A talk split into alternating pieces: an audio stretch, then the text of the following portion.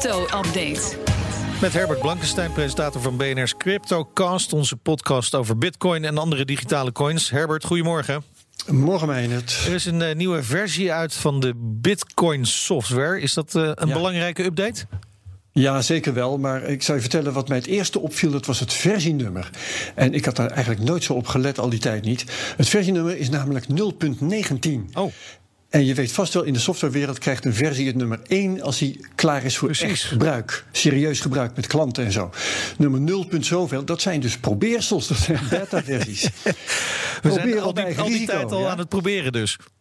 Ja, en dat is dus wel pikant. En na elf jaar Bitcoin is er nog geen versie 1 van de Bitcoin-software. Terwijl er wel een marktkapitalisatie van meer dan 100 ja. miljard mee wordt beheerd. Dat wil ik even vaststellen. Ja, nou, dat is in ieder geval gedaan. Maar uh, wat hebben ze ja. verbeterd met 0.19? Nou, bijvoorbeeld Bitcoin-adressen die maken voortaan geen onderscheid meer tussen hoofdletters en kleine letters. Daardoor kun je ze iets makkelijker dicteren en opschrijven. Hoewel ik eigenlijk niet zou aanraden dat te doen, want het zijn rijen van 50, uh, ongeveer 50, ik weet niet precies hoeveel letters en cijfers. De meeste mensen doen dat gewoon met copy en paste als ja. ze al die uh, adressen gebruiken. Er is ook iets wat met, met veiligheid te maken heeft. Er zijn namelijk aanvallen denkbaar waarbij een deel van het Bitcoin-netwerk wordt geïsoleerd van de rest en dan gaat geloven dat er andere transacties hebben plaatsgevonden dan er werkelijk zijn geweest. En je kunt je wel voorstellen dat boeven daar hun voordeel mee kunnen ja. doen. Nou, in de nieuwe software zit een technisch trucje dat zo'n aanval dus een heel stuk moeilijker maakt. Oké, okay, nou dat is in ieder geval allemaal positief natuurlijk. Ja. Uh, dan is er een advocaat van de Napcoin OneCoin schuldig bevonden aan het witwassen van 400 miljoen dollar. Zo, ja. Uh, dat is een flink bedrag. Zeker, ja, ja. Nou, en hij heeft er zelf 50 miljoen van opgestreken hè, als, als commissie. Dat is een, een, detail. Het is het verhaal van de Missing Crypto Queen. Daar hadden we het vorige ja. week over met Bas. Uh, de virale podcast van de BBC is dat. Ik noemde toen de verdwijning van die Crypto Queen. Ruja Ignatova heet ze. En de arrestatie van haar broertje Constantin.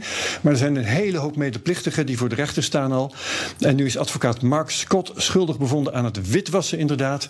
En hij krijgt in februari een straf opgelegd. Hij uh, kijkt aan tegen de kans op 50 jaar gevangenisstraf. Allemaal natuurlijk te beluisteren in uh, die, die podcast The Missing Crypto Queen van de BBC. Ja. Dan nog even het volgende. Een Nederlandse Bitcoin-expert voorspelt dat Bitcoin toch weer die 10.000 dollar waard gaat worden voor het einde van het jaar nog. Ja, inderdaad. We staan nu iets boven de 7000. We hebben weer een kleine terugval gehad. Je maakt dat verschil in één dag goed, desnoods hoor, in de Bitcoin-wereld. maar uh, Bitcoin-experts die dit soort voorspellingen doen, die zitten vaak zelf tot hun nek in de Bitcoins. Nee, ja. hebben er belang bij de boel omhoog te praten. In dit geval gaat het om een bijzonder iemand, namelijk Plan B. Dat is een Nederlandse twitteraar die zijn ware identiteit geheim houdt, omdat hij een hoge baan heeft in de financiële wereld. Hij heeft dit jaar indruk gemaakt met een model dat de schaarste van Bitcoin vergelijkt met die, met, met die van goud. En op grond daarvan voorspelt hij een hoos in de loop van volgend jaar. En wat mij nou verbaast is dat hij die 10.000, die voorspelling doet voor de jaarwisseling, uh, dat hij helemaal niet uit zijn model volgt. En daarom valt hij voor mij nou eigenlijk een beetje door de mand. Ah. Hij gedraagt zich net als die andere bitcoin-pompers die al twee jaar lang aan Juist. de lopende band ongelijk krijgen. Dus dat wou ik even doen. Ja, uh, en dat is gedaan. Uh, tot slot, Herbert, wat zit er in de CryptoCast deze week? We hebben programmeur Joost Jager. Drie weken geleden maakte hij bekend dat hij een versleutelde chat-ad had gemaakt bovenop het Lightning Network, dat Bitcoin sneller maakt. En um, die bekendmaking van hem was een reactie op de wens van minister Grapperhaus om de encryptie van WhatsApp te doorbreken. Wij gaan Joost morgen vragen hoe zijn nieuwe app werkt en waarom hij versleuteld chatten belangrijk vindt. Dankjewel Herbert. Alle afleveringen van de CryptoCast zijn te beluisteren via de BNR-app, bnr.nl of via je favoriete podcast-app.